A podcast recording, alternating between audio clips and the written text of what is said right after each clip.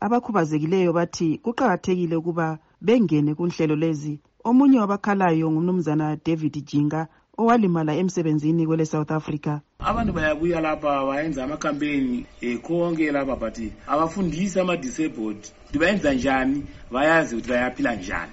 Unkosazana suku oluhle mhlanga okhubazekileyo njalo eyisiphathamandla senhlanganiso ye-muscular dystrophy association of zimbabwe. Uthi abameli babo kumele bengene kunhlelo ezitshiyeneyo ukuze lathi njengabantu abakhubazekileyo si-enjoye amalungelo sibe lempilo engcono.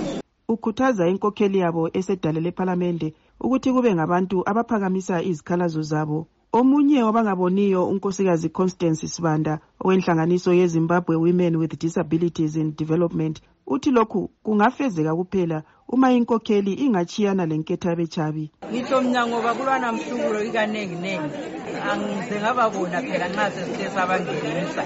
Njalo kukalutshwana ukuthi wena uthi la uvela komunye umhlubulo uthi ake lingikhangele phela bakukhangela omunye wabasakhulayo oligqwetha eliphatheke kwezokulwela amalungelo oluntu ikakhulu abakhubazekileyo u-abraham mathetha uthi indlela esabalaliswa ngayo ulwazi lokulimukisa uzulu ngengozi yodubo lolu kayilotshwa ngendlela eqondileyo. Njengomzekeliso uzathola ukuthi kumakhampeyini amaningi ayenziwayo kuyabe kungela muntu kumbe abantu abasebenzisa i-sign language.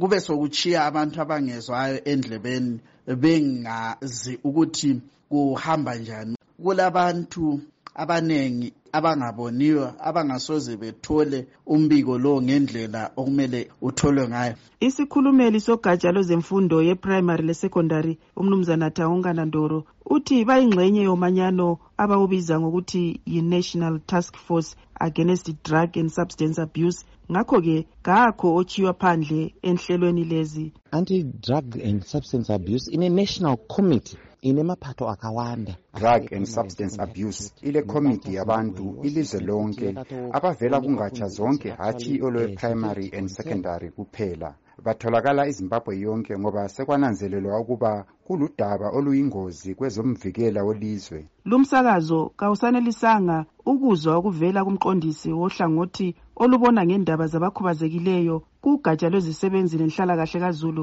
udokotela christine beta obengaphenduli umakhalekhukhwini. Ngimele istudio 7 ngiseharare ngingulusi yasini.